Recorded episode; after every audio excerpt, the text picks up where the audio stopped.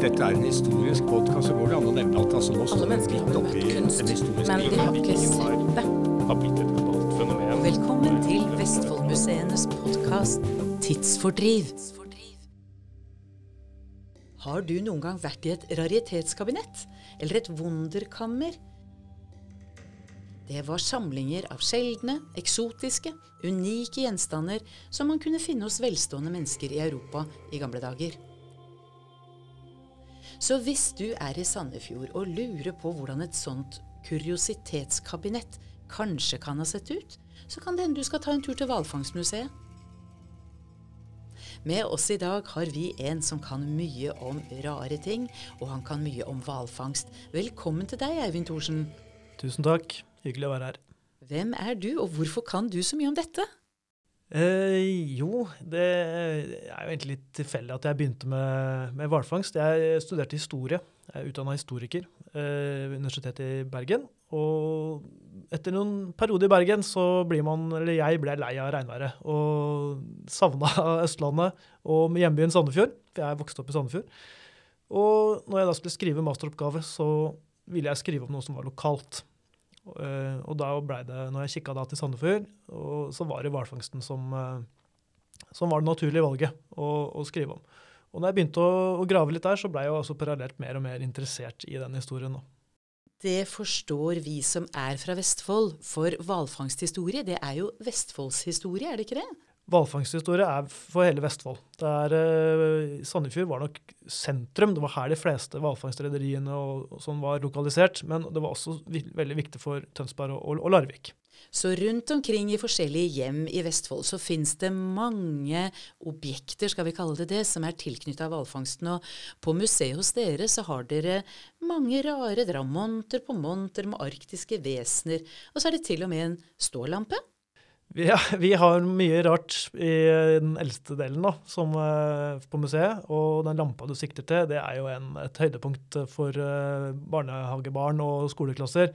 Er, du sikter til hvalpenislampa, uh, som er en litt sånn spesiell lampe som virker fortsatt. Og den sto jo da, var plassert i, i en stue her i Sandefjord. Og det, det, var, det var nok i flere andre stuer også, hvor man kan finne sånne lamper.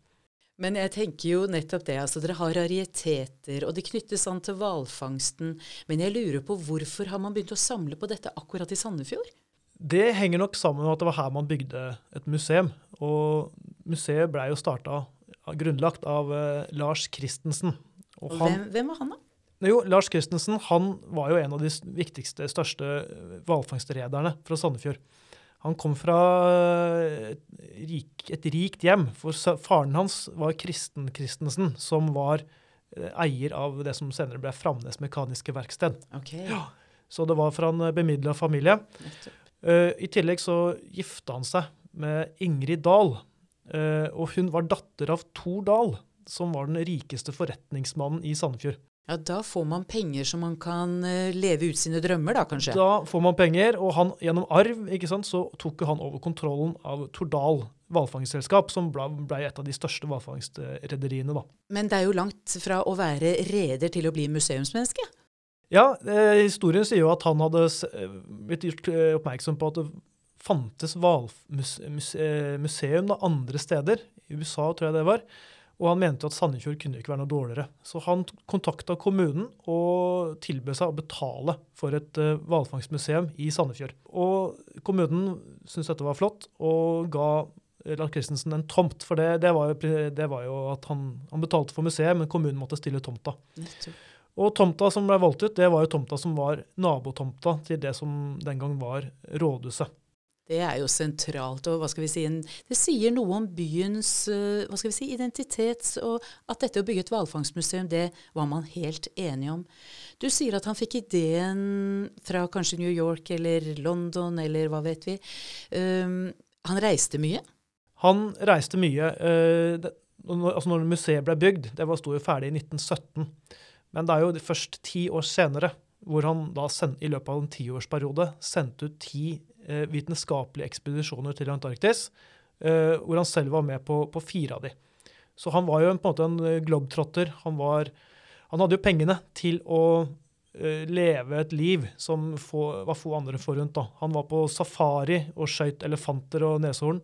Han fiska sverdfisk i Palm Beach i Florida, og var selv med da, som sagt, i, til Antarktis og skøyt hval og sel. Og, og det som er på en måte det viktigste delen av denne historien, er jo at han på disse ekspedisjonene annekterte land på vegne av Norge.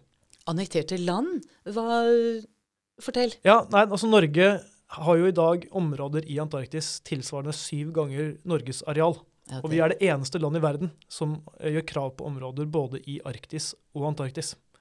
Og det, I Antarktis så dreier det seg om det er dronning Maud land, det er Bouvetøya og det er Peter den førstes øy.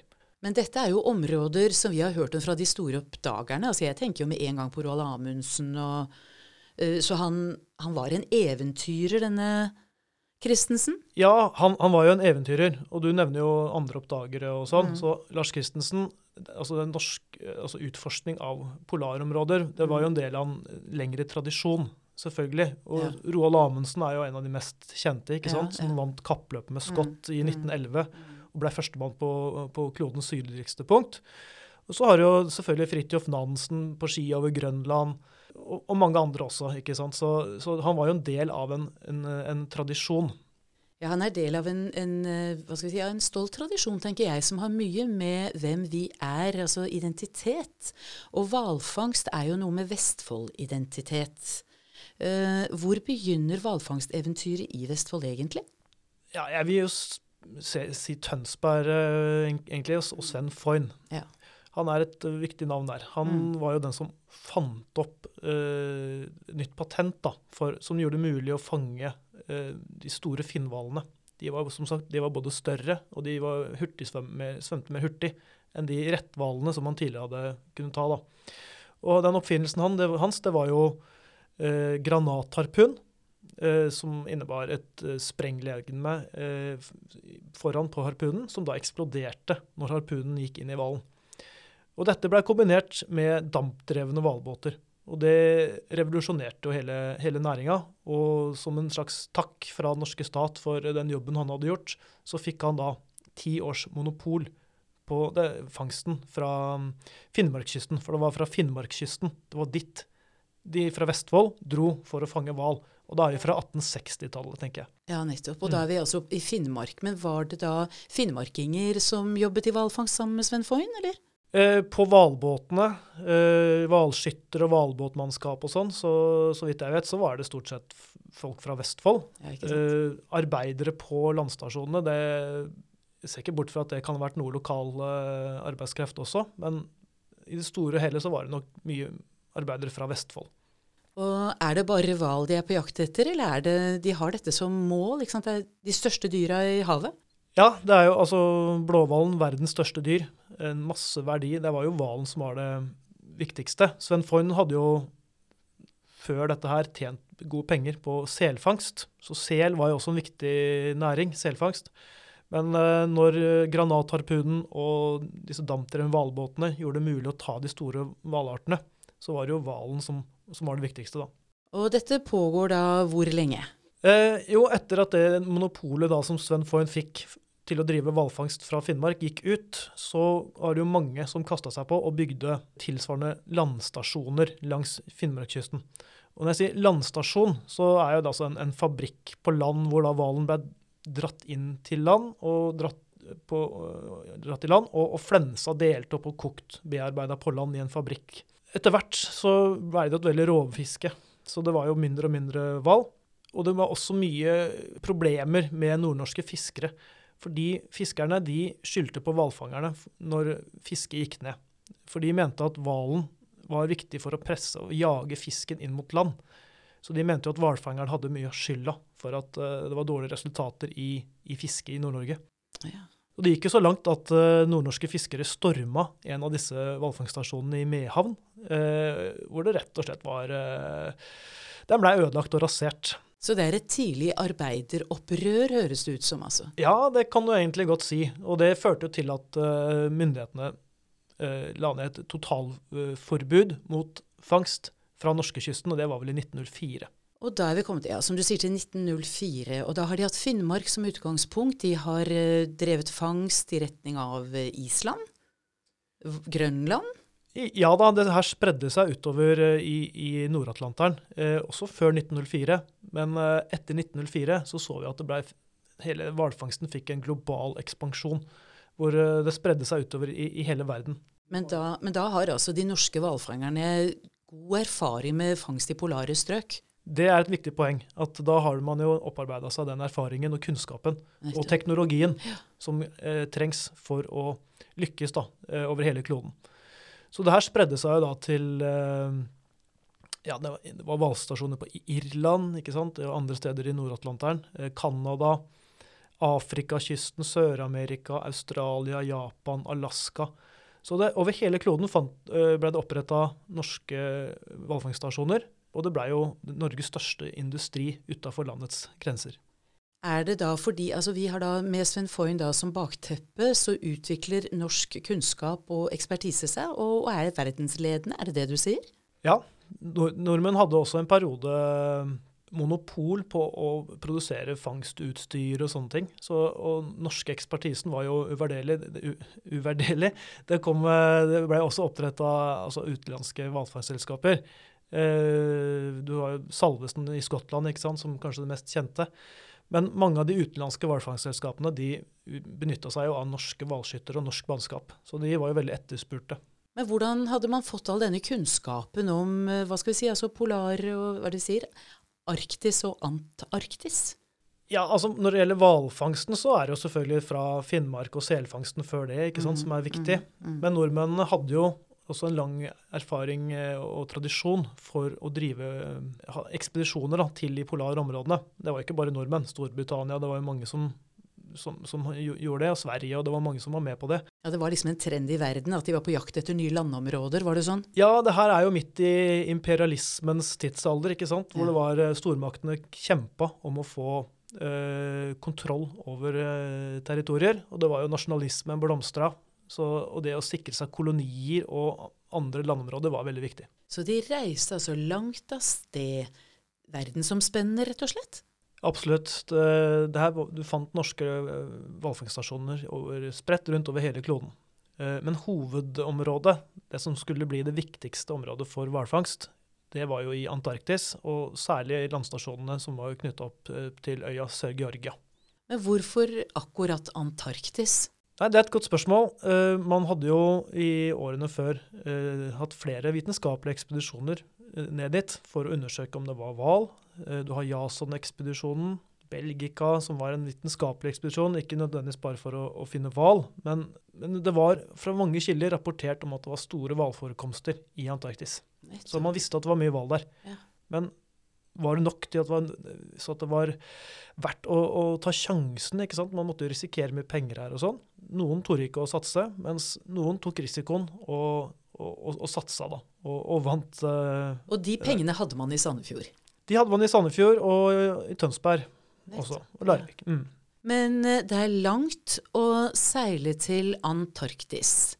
På veien dit så må du jo ha vært innom mange steder. Mm. Kan jeg bare gå til det forrige du sa der, før vi snakker om det? For du sa jo at, uh, at de pengene hadde man i Sandefjord. Mange flere, altså Den mest kjente landstasjonen, Grytevika, Mm. den ble jo, eh, det var jo, med Argen, det var jo et argentinsk selskap. Ja, Så var Pesca har jeg Pesca, hørte, ja. Mm. Compania, det, ja, ikke sant? Ja, ja. Så, det, så det var også andre land, argentinsk kapital, men også norsk kapital. Sånn, så det var ikke sånn at det var bare var norsk. Nei. Og Leat Harbour, som var en, en stor landstasjon, det var jo skotsk. ikke sant? Så det, det, var, det, var, det er ikke sånn at det bare var norske landstasjoner på Sør-Georgia. Nei, Nei. Men, men mye var jo, var jo norsk, da. Ja. Mm. Så det du sier er at eh, en øy som Syd-Georgia var selvfølgelig svært viktig, og der oppsto det da et internasjonalt samfunn, rett og slett? Der oppsto det et internasjonalt samfunn. Eh, det jobba Det var jo seks, fem, ja, seks landstasjoner eh, med en veldig blanda arbeidsstokk. Det, det så vi jo også egentlig overalt hvor landstasjonene, hvalfangststasjonene, ble, ble, ble laga. Eh, det ble i stor grad benytta seg av lokal arbeidskraft. Og i Afrika f.eks., langs Afrikakysten Den første stasjonen i, i Afrika det var jo ved, ved Bløff eh, ved Durban i 1908. Hvor eh, det ble oppretta en hvalfangststasjon der. Og, og da var det jo norske hvalskyttere. Men arbeiderne, det var jo afrikanere. Som da egentlig ble hardt utnytta. De sa jo at man kunne bruke ti afrikanere arbeidet for én hvit manns lønn, kan man lese i noen av kildene. Du verden. Så det var eh, Imperialisme. Ja, og det var jo et helt annet eh, syn på Hva skal vi si på, altså, Det var mer sånn rasistisk tankegang på den tida der. Så de eh, kan vi tillate oss å si at de importerte hva skal vi si, arbeidskraft fra nærliggende landområder ut i Antarktis?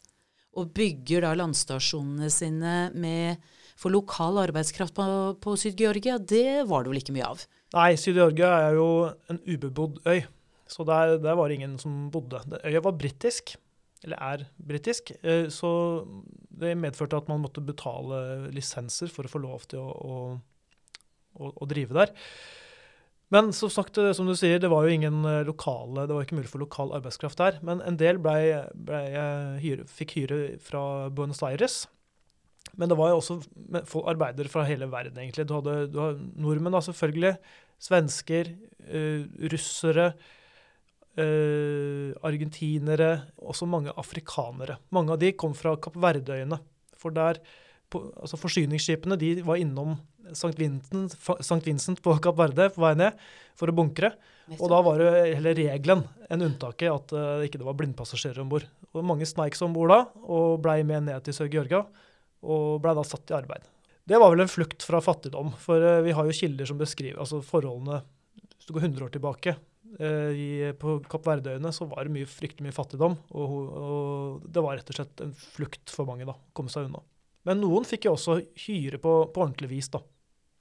Så eh, det var mye veldig sammensatt arbeidsstokk. 20 nasjoner har jeg lest et sted. Ja, på, på enkelte landstasjoner så kunne det være opptil 20 ulike nasjoner som, som jobba sammen.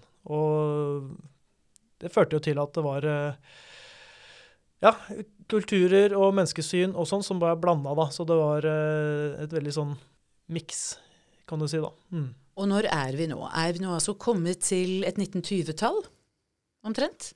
Jeg tenker på, på synet, de politiske retningene i verden må jo ha vært toneangivende for hvordan disse samfunnene utviklet seg. Ja, vi, de første landstasjonene kom jo i, i 1904, da. Det var Mm, Grytvika. mm. Og etter hvert åra som fulgte, så kom de, de andre ganske tidlig. Så det var jo de første si de ti åra fra 1904 da, som landstasjonene blei ble etablert. Og da er vi kommet inn i eh, første verdenskrig, faktisk. Mm.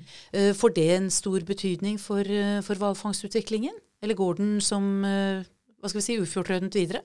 Den gikk nok ufortrødent videre. Man så jo da altså i hvalfangst langs Afrika, etter den første etableringen der, så var det jo mange andre selskaper som ble oppretta for å fange hval i Afrika. Men etter det, det ble det en ganske sånn midlertidig stopp i når eh, første verdenskrig brøt ut. Og etter den krigen så ble den tatt opp igjen i, i langt mindre målestokk da, enn det det var før krigen. Men Men- den norske dominansen, den holder seg. Den norske dominansen holder seg, men når man kommer ut på 20-tallet, så får man jo da en overgang fra landstasjoner til eh, flytende kokerier, hvor man da i stedet for å ha fabrikken på land, fikk fabrikken om bord i et fabrikkskip. Det er det de omtaler som koka.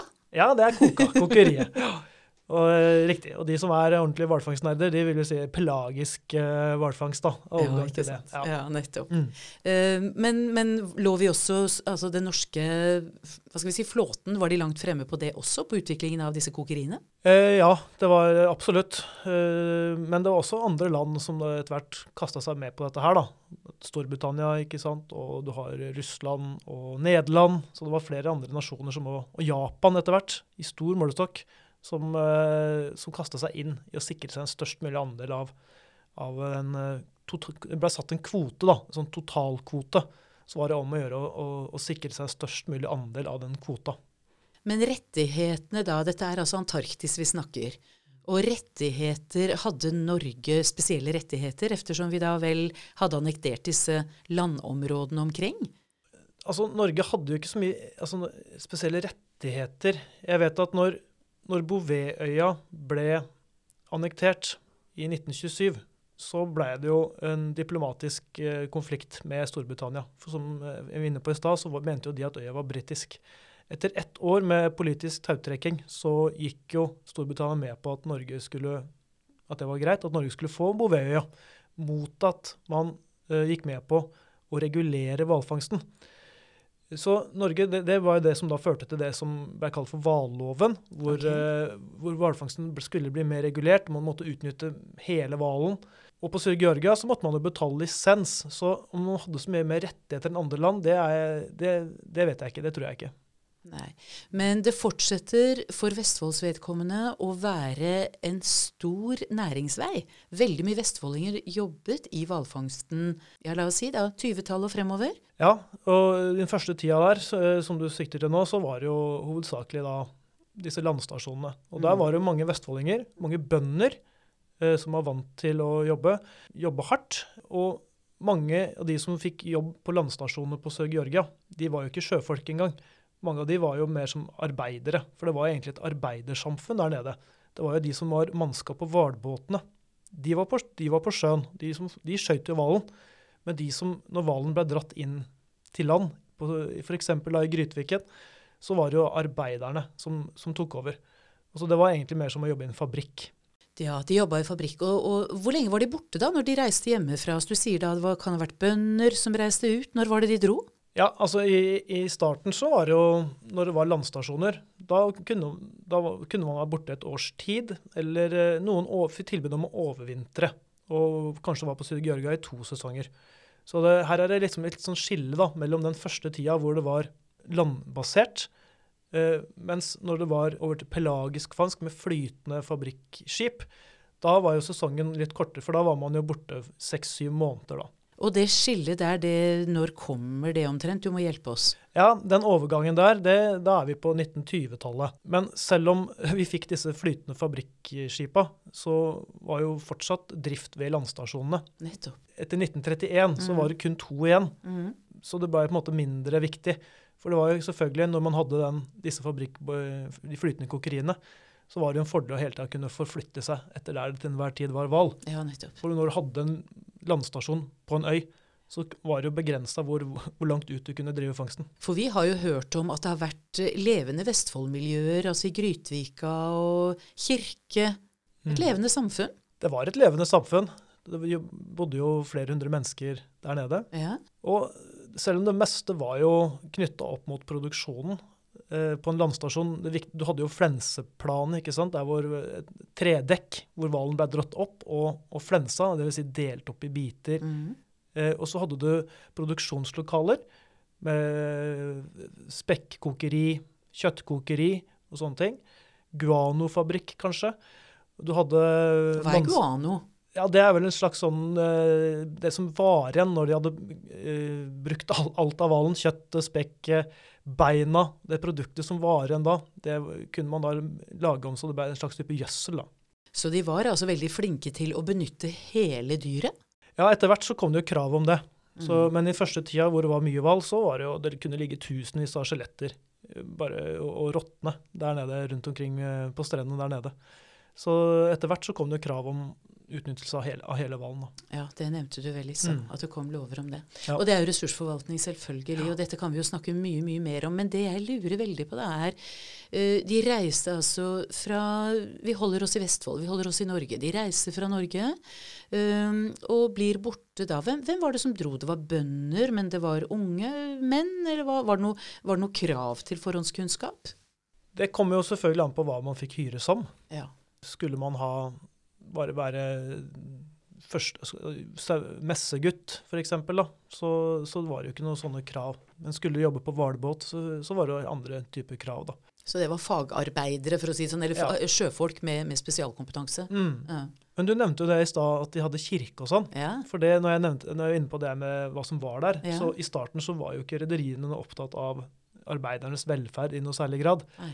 Men etter hvert så så vi jo at uh, når vi kom ut på 20-tallet, at flere av landstasjonene fikk jo kino, f.eks., bibliotek. Og i, Grytviken så ble det jo ganske tidlig reist en kirke. eh, Den står en enda, gjorde den ikke det? står enda. Ja. Så det er jo fortsatt eh, det er jo turisme det er jo cruiseskip som legger til der. Og, så det er, det er jo også et museum på Sør-Georgia fortsatt. Så, men den kirken den ble bygd da i 1912. 13, Ja, rundt der. Ja, ja. Mm, og, mm. og det ble ansatt en prest. Som var det Løk, Løkken? Kristen Løken. Kristen Løken, ja. Mm. Nyutdanna eh, prest fra Hamar.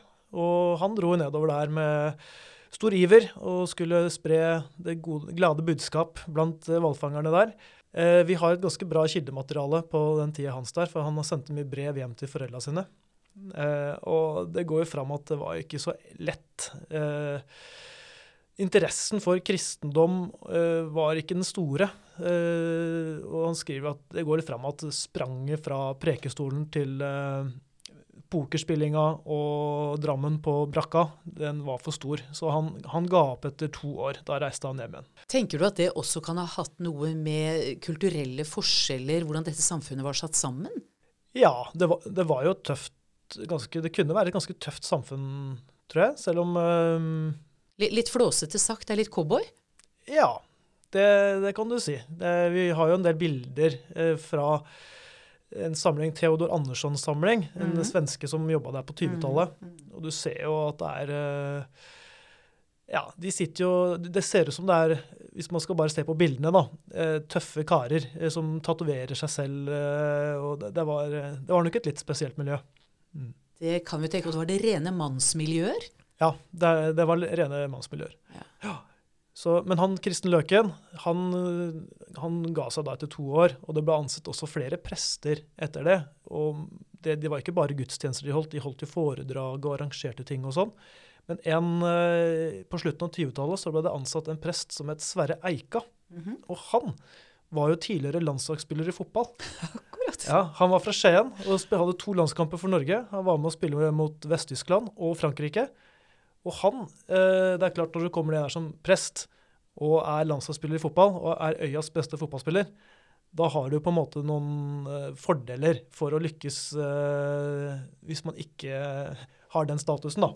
Men vi vet jo også at sport eller fotball, det samler jo folk. Altså på tvers av landegrenser og kulturer. Og, Mm. Så det er jo et fantastisk grep som vi jo absolutt velger i dag også. Ja, ja. Og alle landstasjonene på Sør-Georgia hadde fotballbane. Ja. Og de spilte fotballkamper mot hverandre. Eh, og de hadde skihoppkonkurranser og friidrett. Og, så etter hvert så blei det jo mer eh, for arbeidernes velferd da, enn det var, enn det var i de første åra. Men Eivind, disse små samfunnene som kunne ha opptil 20 forskjellige nasjonaliteter, de var vel ikke helt problemfrie? Jeg tenker på menneskesyn f.eks. Eh, nei, det var nok veldig sånn hierarkisk eh, inndelt. da, sånn eh, at Nordmennene de følte nok sjøl at de var på toppen. Og så hadde du jo da de afrikanske arbeiderne som var, som var nederst. Stort sett så gikk det greit. Man, man blanda seg ikke så mye med hverandre. Nordmennene var mye for seg, og afrikanerne bodde i egne brakker. Men det var jo russere og argentinere og svensker, og det var jo, som du sier, over 20. Hvordan vet vi mye om dette? Nei, Det har vi jo dokumentasjon på fra brever og forhyringsarkivet altså arkivet til de rederiene. Så det, det har man grei oversikt over. Men det du sier med rasisme og sånn, var jo eh, Den var jo utbredt. Selv om ikke de som levde den gangen nødvendigvis eh, tenkte eller oppfatta seg selv som rasistiske, så vil jo mye av det vi ser i kildene i dag, eh, fremstå som ganske rasistisk. F.eks. når eh, når de var innom St. Vincent, da, som vi var inne på i stad, og bunkra på Kapp Verdøyene, så har vi kilder som forteller om at de i, i havnebassenget der, som for øvrig var fullt av hai, som underholdning drev og kasta mynter fra Osean, som var det transportskipet som frakta arbeiderne til Sør-Georgia. Kasta de mynter ute i havnebassenget, og de afrikanerne de da stupte uti for å få tak i den mynten. Og da svømte de under båten, og så dukka de opp med mynten på andre sida og holdt mynten opp. Og det gikk jo bra, så det, det oppsto en sånn eh, holdning eller tanke om at haien eh, vil heller ha det hvite. De ville ikke ta det i de da. Og det var fattigdom selvfølgelig som fikk da de lokale til å stupe etter pengene. Noen av de ble med skipene lenger sydover. Ja da, eh, blindpassasjerer var jo som sagt da veldig vanlig. Og de gjemte seg da på båten og kommer kanskje fram når, eh, når de nærma seg Sør-Georgia. Men de hadde også hyre. Noen av dem ble med som, som hyrearbeidere. Ja, de, altså de, noen blei jo det, Mm. men mange av de som blei tatt som blindpassasjerer, de Mm. blei satt i arbeid. F.eks. til å lempe kull. Og da har vi igjen kilder da, som forteller at, um, at det, det passet, de passa fint til det, siden de hadde den hudfargen de hadde. da. At da ble de ikke så skitne i forhold til de, de som var lyse i huden. Og dette står nedskrevet. Dette står nedskrevet, ja. Og vi har også kilder som at hvis man skulle få de til å jobbe og sånn, så var det bare å, å gi de et kjærlig rapp med pisken. Så det er jo ganske utrolig Når man i dag, eh, når dette er så aktuelt, sett i lys av Black Lives Matter og Absolutt, alt sånt, ja, eh, så er det jo godt å se, tross alt, da, at vi har, vi har jo kommet et godt steg videre i forhold til det vi var for 100 år siden. Selv om det er fortsatt mye å gjøre når det gjelder det der. Jo, menneskeverd og likeverd, Mm. det må man jo bare jobbe for hele tiden. Ja.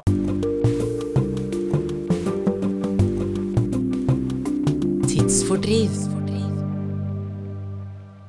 Og når vi snakker da om menneskeverd og likeverd, jeg tenker jo på mannssamfunn, mennene var borte lange perioder av gangen. Det var jo noen der hjemme. Mm. Hvordan var livene for dem? Nei, det, når, når de mennene dro, da, så blei jo på en måte familielivet eh, helt annerledes. Ja. Så det var jo en del av en sånn syklus. mm. At eh, når, særlig da, når man eh, fikk disse flytende kokeriene, så var det kanskje seks-syv måneder man var borte om gangen. Og da reiste man på høsten? Da reiste man på høsten. Uh, og da var det jo forberedelser før avreise. da. Mm. Uh, man, konene gjorde jo klart ting som mennene skulle ha med. Etter hvert så sørga rederiene for en del utstyr. Men så i starten så måtte man ha med en del ting sjøl. Og så, når de dro, så var jo alt av ansvar hjemme. Det lå jo da på, på kvinnene. Og da var det jo både det, alt praktisk med å holde hus å male gjerde, betale regninger, barneoppdragelse. I, I den tidlige fasen her så hadde vi jo ikke fått barnehagen ennå. Så det kan si, man måtte gjøre både fars og mors arbeidsoppgaver på en gang. da. Så det er klart, det kunne være krevende for uh, familiene. da. Men det var jo veldig vanlig for veldig mange familier i, i Vestfold. Nettopp. Jeg tenker jo også da, altså Hvis du sier de er borte da, de reiser på høsten, september, og kommer tilbake da på våren, er det sånn? Ja, det stemmer. Da er de tilbake sånn i mai. Og da skal plutselig mennene tilbake inn i disse hjemmene, da, når kvinnene har drevet hus og hjem alene Mm. i den kanskje tøffeste perioden i året. Mm. Og så skal mennene tilbake inn. Dette må jo også ha hatt noe med samfunnsutvikling og, og roller og kjønnsmønstre. Ja, helt klart. Og 50-tallet, ikke sant, det var jo da var jo idealet at eh, kvinnene Det var jo husmorsidealet. Kvinnene skulle være hjemme, mennene skulle jobbe. Men eh, når de da kom hjem, som du sier, da, Mm. At plutselig så var det jo en, annen, en ny person uh, i familien igjen. da. Og jeg vil jo tro at det, det tok nok sikkert noen dager før ting uh, ble, føltes normalt igjen. da. Og en del møtte jo f.eks. som hadde blitt fedre da, i løpet av tida når de var på hvalfangst. Hadde nye, et nytt familiemedlem å, å hilse på når de kom hjem også. Ja, det er klart det. Er du borte et omtrent ja, et svangerskap? Mm. Uh, Men jeg lurer på, Eivind, om vi også da i den sammenheng kan tenke på en veldig vanskelig tid for sjøfolk og for hvalfangere hvis vi går tilbake og snakker om krigen. Mm. For da var de jo virkelig borte lenge. Ja, de som reiste ut uh, på hvalfangst og var på vei hjem, de dro jo da ut høsten 1939. Ikke sant? Og da er det snakk om mange som dro ut, Ja. Og var på vei hjem igjen da våren 1940. For da var jo sesongen uh, avslutta, og 9. april så var jo da hvalfangstflåten på vei hjem til Norge. Og vi kjenner jo historien at det angrep jo Hitler-Tyskland Norge den dagen. Og da gikk det jo ut melding om at uh, kokerier og hvalbåter ikke måtte, de måtte søke alliert havn. For Hitler var jo selvfølgelig interessert i å slå kloa i norske uh, flåten, da. Og også hva- særlig altså og hvalbåtene. Ja, de ble bygget om, eller? Ja, de ble bygget om. eh, mange av de ble bygget om. For da dro jo disse eh, hvalfangerne De endte jo da opp i, i engelske havnebyer, eller i Canada. Og hvalkokeriene, mange av de ble bygd om og, og, og seilt i konvoi eh, krigen gjennom. da, og Mange av de ble senka. Men det som er litt spesielt med det her, er at da i stedet for å komme hjem, som man da gleda seg til, Ja, vært på arbeid i, i, med slit og Mm. sånn i lang, mange måneder, Mm. på vei hjemover, hjem til familien, og så plutselig så står du i London f.eks. og kan ikke reise hjem. Og så lurer hva gjør vi nå? Hva gjør man nå? Og noen av de var jo 15-16, ikke sant, det yngste. Hva skal de gjøre for noe? Og man hadde jo noen valg. ikke sant? Mange av de hvalfangerne som da som befant seg i Storbritannia, de, de ble krigsseilere for Nortraship og, og seilte i handelsflåten i konvoier. Og med all den risikoen det innebar. Eh, mange, jeg vil jo tro at mange av de også var jo ganske ødelagte når de da kom hjem, da. De som kom hjem. Men det var også et annet alternativ. eh, og det var jo at eh, det var oppretta en militæravdeling i Dumfries i Skottland Ja. 1940. Som, eh, og de 200 første, altså den første kontingenten som kom dit, mm. det var jo hvalfangere. Nettopp. Så en del ble også da med i den, det som ble kjent for da Skottlandsbrigaden, Uh, hvor de da fikk våpentrening og ble rett og slett soldater. Så det, og som sagt, de 200 første som kom dit, uh, det var hvalfangere. Og det kom også flere hvalfangere etter hvert. Du verden. En veldig uventa turning, selvfølgelig, når du har, som du sier, håpet og trodd at du skulle komme hjem og glede deg til hjemkomsten Mm. for alle involverte i familien. Og så kommer krigen og lager helt andre rammer Mm. for liv. Dette har jo fått noen ganske spesielle utfall. Vi kjenner til noen spesielle fortellinger der, gjør du ikke det? Eller ikke fortellinger, det er, det er historie. Ja, altså det som var jo felles for alle, var at ingen Det gikk jo fem-seks år før man kunne komme hjem. Mm. Og vi vet jo at når, når krigen var over, så kom jo de som var i mil, gutta på skauen, de kom jo fram ikke sant, og som, et, som en gruppe. Mens de som da var sjøfolk, Mm. de var jo da spredd over hele, over hele verden. Nettopp. Og de kom jo hjem da én etter én, eh, ikke i noen gruppe. De som da hadde blitt krigsseilere. Ja.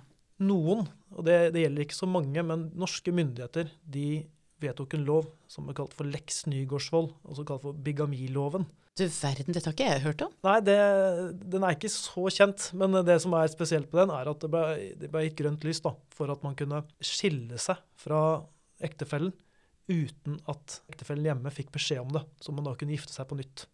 Ja, For hvordan skulle de ha kunnet ha kommunikasjon? De hadde jo, Det var veldig knapt med kommunikasjon, Ja, så det var, jo det var jo veldig vanskelig å, Ja. å, å kontakte hverandre. Mm. Så det er jo historier om at ja, i 46, 45, 46, ikke sant, eh, hvor man da kvinne, Kona hjemme står og venter på kaia, og så kommer, eh, kommer mannen med en ny familie av båten. Og det er ikke mange av de, men man tror at ca. rundt 70 er det tallet jeg har sett, da, benytta seg av den Lex Nygaardsvold. Og en av de som er litt mer kjente som det skjedde med, det er jo faren, familien til Rolf Wesenlund. Er det offentlig kjent? Ja, han, eh, det, han fortelt, forteller dette her i en sånn eh, NRK-dokumentar som ligger på NRK nett-TV. Eh, Evig heder, med den heter. heter. -hmm. Hvor han forteller om da som barn i Horten under krigen, hvor han da gikk og venta på faren sin, som da ikke kom hjem. Han slo seg ned og hadde gifta seg med en ny dame i Australia. Så han forteller jo da at hva dette her gjorde med moren hans. Og når han ser tilbake på det, så sier han at det var rett og slett et ødelagt liv. Ja. Så det, den skammen, ikke sant. Ikke bare det at man mister den kjærligheten der, Mm. men man mister jo hovedforsørgeren. Og i likhet med krigsseilerne, som vi kjenner kanskje til historien at de fikk jo De ble svikta egentlig av staten. Mm. Fikk jo ikke dette Nortraship-oppgjøret, for de var jo lova en pen pengesum når de, etter krigen. Hyre som var holdt tilbake. Mm. Eh, De fikk ikke noe hjelp. eh, De fikk ingenting, egentlig.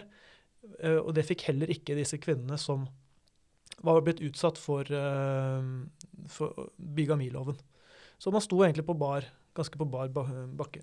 Du verden. Altså følger av krig. Mm. Det er mye vi ikke vet. Og det, mye kommer for dagen da nå når alle arkiver åpnes og tiden har hva skal du si, gjort det mulig. Mm.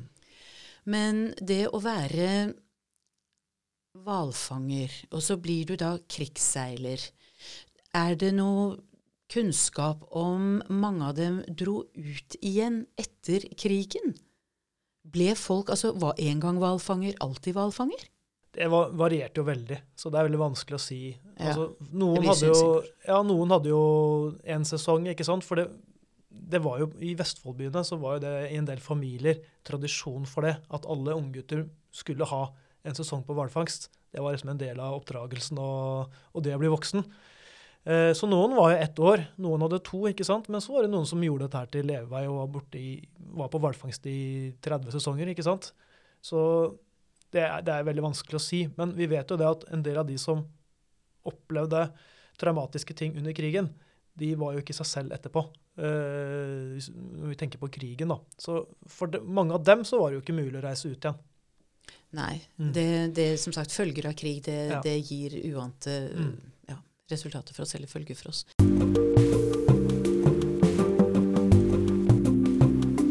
Tidsfordriv. Det å være hvalfanger, da har du lang vei til jobben. Man ville kanskje kunne kalle det verdens lengste arbeidsvei? Hva sier du? Jo, jeg er ikke uenig i det, altså. Det er eh, Med mindre du jobber eh, astronaut, kanskje, eller noe sånt.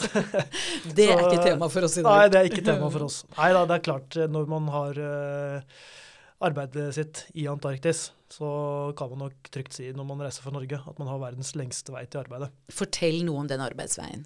Ja, de, to, de brukte jo ja, si, tre, fire uker kanskje da, ned dit.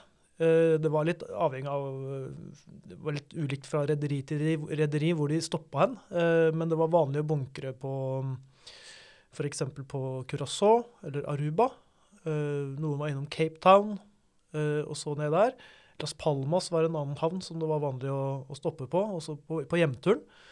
Og når man da stoppa i, i, på Las Palmas, da, på Kanariøyene, så var det jo muligheter å, til å kjøpe med seg mange fine ting som man ikke så lett fikk tak i i etterkrigstidas Norge. Hvor det var rasjonering på mye, mye ting og lite utvalg da, i, i butikkhyllene de første, da- første åra etterpå. Så når de da kom hjem og hadde vært borte da syv måneder, eller hvor lenge det var, var det syv måneder cirka? Ja, seks-syv syv måneder. Mm. Så var det jubelstemning. Var det julaften da, når de kom hjem med gaver, eller hvordan var det? Ja, det, nå er jeg for ung til å oppleve det selv, men i Vestfoldbyene, eh, når hvalfangerne kom hjem, så Mm. var det jo Det var, eh, det var hurrastemning. Det var 17. mai-tendenser, det altså. Så, og det er jo klart, når flere tusen menn kommer hjem, og i det aller, aller fleste, eller i veldig mange familier da, i Vestfoldbyene, hadde enten en onkel eller en far eller en bror eller et eller annet. Veldig mange familier var påvirka av dette her. Og på brygga var det fullt av folk, stappfullt. Og mange bå småbåter kom jo da kokeriene ut i møte, da, og møtte kokeriet. Og eh, det var rett og slett en uh, høytidsdag, for mange hadde jo savna selvfølgelig barn, ikke sant, som savna faren sin. Og kontakten jo, var jo ikke så enkel. Det var mulig å sende, Man sendte jo brev som ble frakta ned med transport eh, med, med båt, da, som skulle hente hvalolje. Men etter hvert så var det også mulig å sende telegrammer da, for å holde kontakt. Ikke sant? Men dette var korte, eh, veldig sånn korte sånn standardfraser, og det var dyrt. Du skulle sende lenger, da. Så det var ikke all verdens med, med kontakt, sånn som vi har i dag, ikke sant? hvor alle har eh, mobiltelefon og sosiale medier, og bare ta opp den, og så er du på FaceTime med en gang. Sånn, eh, De mulighetene hadde jo ikke eh, familiene. Nei, eh, så forventningen hadde bygget seg opp da når de hadde feiret jul og nyttårsaften og bursdager og ja, altså merkedager hvor de ikke kunne være sammen, sånn som det jo var for sjøfolk i tidligere tider. Og kanskje for noen er sånn i dag også. Mm.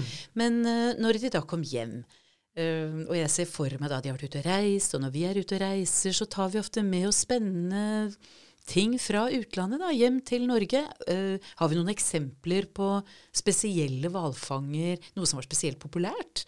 Ja, det var, det var jo en del ting som gikk igjen. og det, En ting var jo kjolestoff, f.eks., som ofte ble tatt med hjem. Som man kunne si uh, at dattera kunne få konfirmasjonskjole eller en fin kjole til kona. Ja. Ellers så var det jo hermetikk, oh. hermetisk frukt, Mm. og også bananer og sånne ting. ja. Eh, en veldig populær gave blant småjenter i, i Vestfoldbyene var jo disse Las Palmas-dokkene. ja, de har vi sett. Ja, ja. Og de var jo utrolig fine, eh, og de ble kalt sånne stå- og sovedokker. Ikke sant? Ja, og de kunne jo gå av seg selv. Eh, Fantastisk. og mange som fikk de, de var jo liksom så fine at de måtte bare sitte i sofaen. Eh, Ja. Man kunne ikke leke med de, fordi det var veldig gjevt, da. Mens guttene kunne jo få lekebil eller sånne ting, da. Så det var jo knytta veldig forventninger til hva pappa eller onkel eller bror hva det måtte være, hadde med seg hjem da i, i, i sekken. Jeg lurer på, Var det sånn at de var på fastlønn, eller fikk de en del av overskuddet hvis det hadde vært en veldig god sesong? Eh, begge deler. De hadde jo fast hyre, men så hadde de også andel eh, i parten. da. Så de fikk også ut fra fikk man, Hadde man en god sesong og fanga mye hval, så ble det jo mer penger. Og der, der det oppsto det begrepet med hvalsjuke. Få høre. Jo, altså på, i, på et hvalkokeri, da, eller hvalbåt, Mm. så de hadde jo en viktig grunn til at de var borte da, fra familiene og Norge i så lenge. Det var jo pengene. Og når det var lite hval, så ble betalinga dårligere. Ja, ikke sant. Så da, da fikk man dette som man kalte for hvalsyke, hvor humøret sank og dårlig stemning. Men så fort det begynte å komme inn hval til kokeriet igjen, så, så steg jo humøret igjen. da, Så da var hvalsyken over. Så det, penger er jo liksom Man tjente jo bedre. Man tjente jo bra. De aller, aller Det var jo veldig store forskjeller. Selvfølgelig. Skytterne var jo de som tjente aller best. Det var vel datidens eh, ja, rett og slett rikeste. Ja, det kan du godt si. Og det her gikk jo litt i arv også. At hvis en skytter hadde en sønn, så var det ikke uvanlig at sønnen fikk prøve seg. da. Og hvis han hadde talent til dette, så kanskje sønnen fikk, eh, fikk eh, prøve seg som skytter, da. Så det gikk litt i de samme familiene. Men alle hadde gleden av altså, ja, men De kom hjem, og de hadde penger i lomma når de kom hjem i april. Mm. Mm. Det er eksempler på, det er noen gode historier der, er det ikke det? Ja, det er, altså sjøfolk og hvalfangere har jo fått litt rykte på seg for å bruke penger som en full sjømann, er vel et, et uttrykk. Uh, men det her er også selvfølgelig veldig, veldig ulikt. Eh, mange var jo fornuftige, selvfølgelig. De fleste var jo det. Og, og brukte og investerte penger fornuftig. Eh, men du har jo også historien om de som eh, strødde rundt med seg, om seg med, med penger, da. En slags glede over å komme hjem igjen, ikke sant? og Ja, vise ja. at man har hatt Særlig kanskje de de yngre da, som ikke Mm. hadde familie å, å forsørge. Så er det Mm. klart eh, å ha med seg litt fine ting hjem. Og når du kommer hjem og tar med noen på restaurant f.eks. Og det sier jo det at vi restaurantene i eh, og drosjenæringa gjorde det veldig godt da, i Sandefjord og Tønsberg og sånn når, eh, i de første ukene etter, uh, etter hvalfangerne kom hjem. En liksom artig historie, det kan godt hende det er en sånn eh, vandre, vandrehistorie, men eh, det var en, familie, en, noen barn som hadde en onkel som var hvalfanger. Og da sier historien at når han kom på besøk første gangen, de første gangene etter hjemkomsten fra hvalfangst, da, da kom de i drosje. Så gikk jo ukene, og sommeren kom og sånn, og etter hvert så kom hun på buss. Og så nærma høsten seg, og nærma seg en ny avreise. Og da kom han på sykkelen. Da var Eh, penga siste- brukt Da opp. var brukt opp. ja. Ja, ja, det er, om det stemmer, det vet Nei, jeg men, ikke. men, men ja. det kan vi vel forstå, for det er klart at det var vel ikke så mye penger å få brukt når de var ute i disse syv månedene, og at de da virkelig levde livet når de var hjemme, og det er sommeren i Vestfold, det vet vi jo noe om. Mm. Tidsfordriv. Den lange reisen til jobben er det vel da ingen som gjør lenger. For industrien, den har rett og slett opphørt. Ja. Det, man så jo tegn egentlig veldig tidlig at det var altfor stor beskatning. Altfor stor fangst av hval. Det var heller ingen vilje eh, til å skal vi si, dempe seg, da. For eh, vi hadde jo et sånt eh, organ som, som satte en sånn totalkvote. Som var basert på vitenskap og sånn. Den var nok for høy. Men at eh, i år er det lov å fange så og så mange, ikke sant. Men i stedet for å gi OK, Norge har så mange kokerier, da, dere, da får dere den kvota, og så kan Russland fange sånn.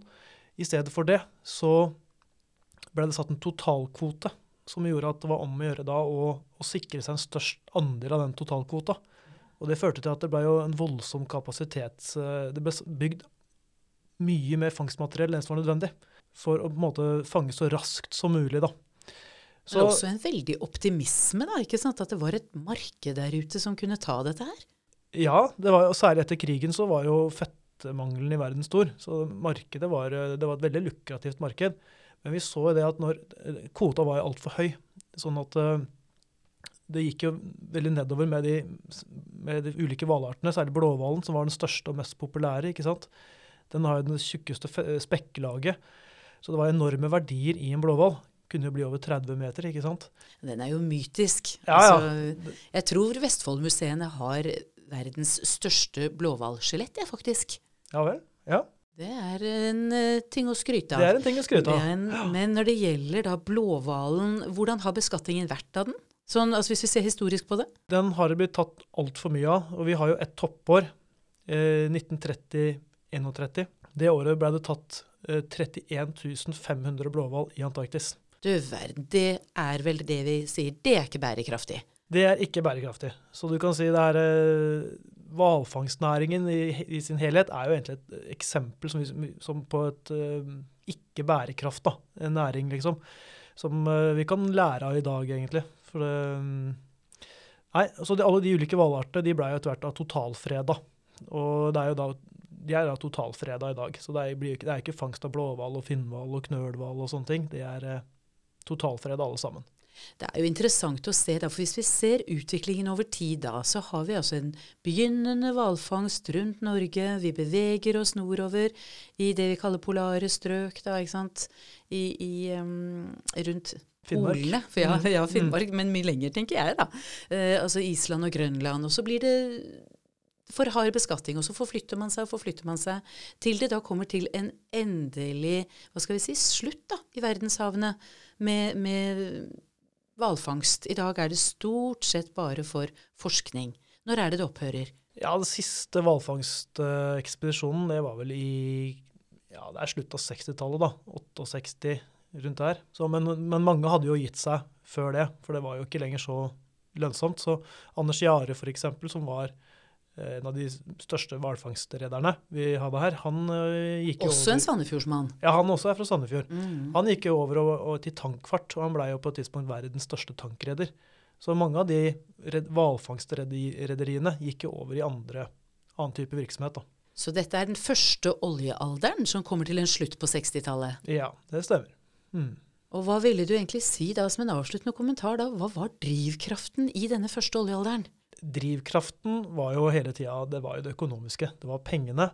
Og eh, vi, han, Lars Christensen, da, som vi, vi snakka om innledningsvis, han sa det jo som fint i boka si, 'Such is the Antarctic', at eh, det var fint med vitenskapelige oppdagelser, eh, annekteringer, alt sånt, og, og oppdage nytt land. Det var kjempefint, men alt kommer til alt. We were out to get whales. Det var pengene, Da var varen vi var ute etter. Og det ble også industriens endelikt. Vi ble for grådige, rett og slett. Tusen takk, Eivind. Dette kunne vi ha snakket mye mer om, og jeg håper vi kommer tilbake. Takk Ja. skal du ha. Takk for at jeg fikk komme. Tidsfordriv er en podkast fra Vestfoldmuseene og er laget av produsent Susann Melleby, lydtekniker Jon Anders Øyrud Bjerva og meg, Ellen Asplin. Ønsker du å kontakte oss? Send en e-post til kommunikasjon vestfoldmuseene.no.